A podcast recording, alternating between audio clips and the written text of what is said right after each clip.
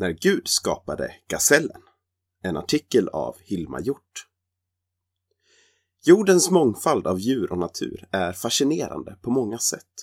Små men livsviktiga funktioner hos det som lever och växer pekar på att det finns en skapare bakom allt sammans.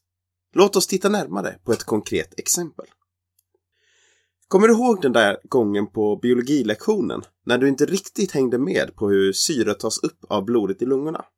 Eller hur reaktionsformerna fungerade på kemilektionen? I början kanske det kändes som ett helt omöjlig sak att förstå. Men senare kanske det blev lite klarare och mer greppbart.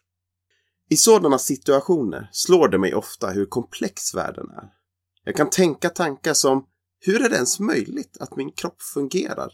Eller hur många kemiska reaktioner krävs det inte för att bladen på ett träd ska börja utvecklas? Det är så mycket som är för perfekt för att det bara ska vara en slump. Håller huvudet kallt. Ett häftigt exempel från djurvärlden är Thomson-gasellen som lever på savannerna i östra Afrika. Ett sätt för den att hantera savannens hetta är att den bokstavligen håller huvudet kallt. När den andas kyls blodet i bihålorna ned och det blodet möter sedan annat syresatt blod som är på väg till hjärnan. Blodet till hjärnan kyls då också ner och det hindrar gasellen från att bli överhettad. Detta är en livsviktig funktion då hjärnan är särskilt känslig för värme. Genom att gasellen får en lägre temperatur i huvudet kan den hålla tempot uppe i en snabb rush när den blir jagad.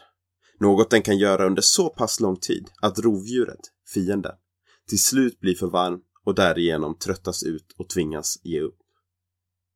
Stor och smart. Gud är smart. Det är något jag konstaterade när jag började förstå det vi gick igenom på mina biologilektioner. Vi behöver inte förstå allt. Men när vi inser vilken rik värld vi lever i kan vi ana Guds storhet. Han är hjärnan bakom att du och jag andas. Anledningen till att bladen ändrar färg på våren. Och snillet bakom de funktioner som gör att Thomson-gasellen kan skydda sig från sina fiender.